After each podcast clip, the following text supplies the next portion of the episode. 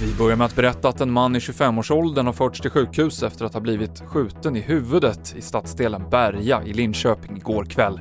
Men han ska inte ha skadats allvarligt. Polisen skriver på sin hemsida att man har förhört flera vittnen, men att det inte finns någon misstänkt i nuläget.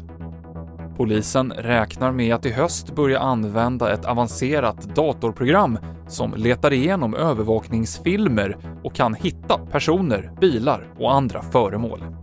När materialet har automatiskt analyserats så sitter ju en handläggare där och ställer frågor angående videomaterialet.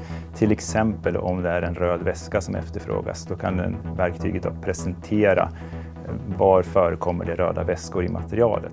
Det sa Niklas Appelby, IT-forensiker på polisen. Och i Nya Zeeland skjuter man upp höstens val en månad på grund av coronaviruset, från september till oktober.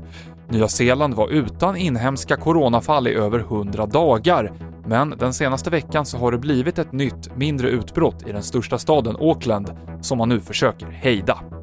TV4-nyheterna med Mikael Klintevall.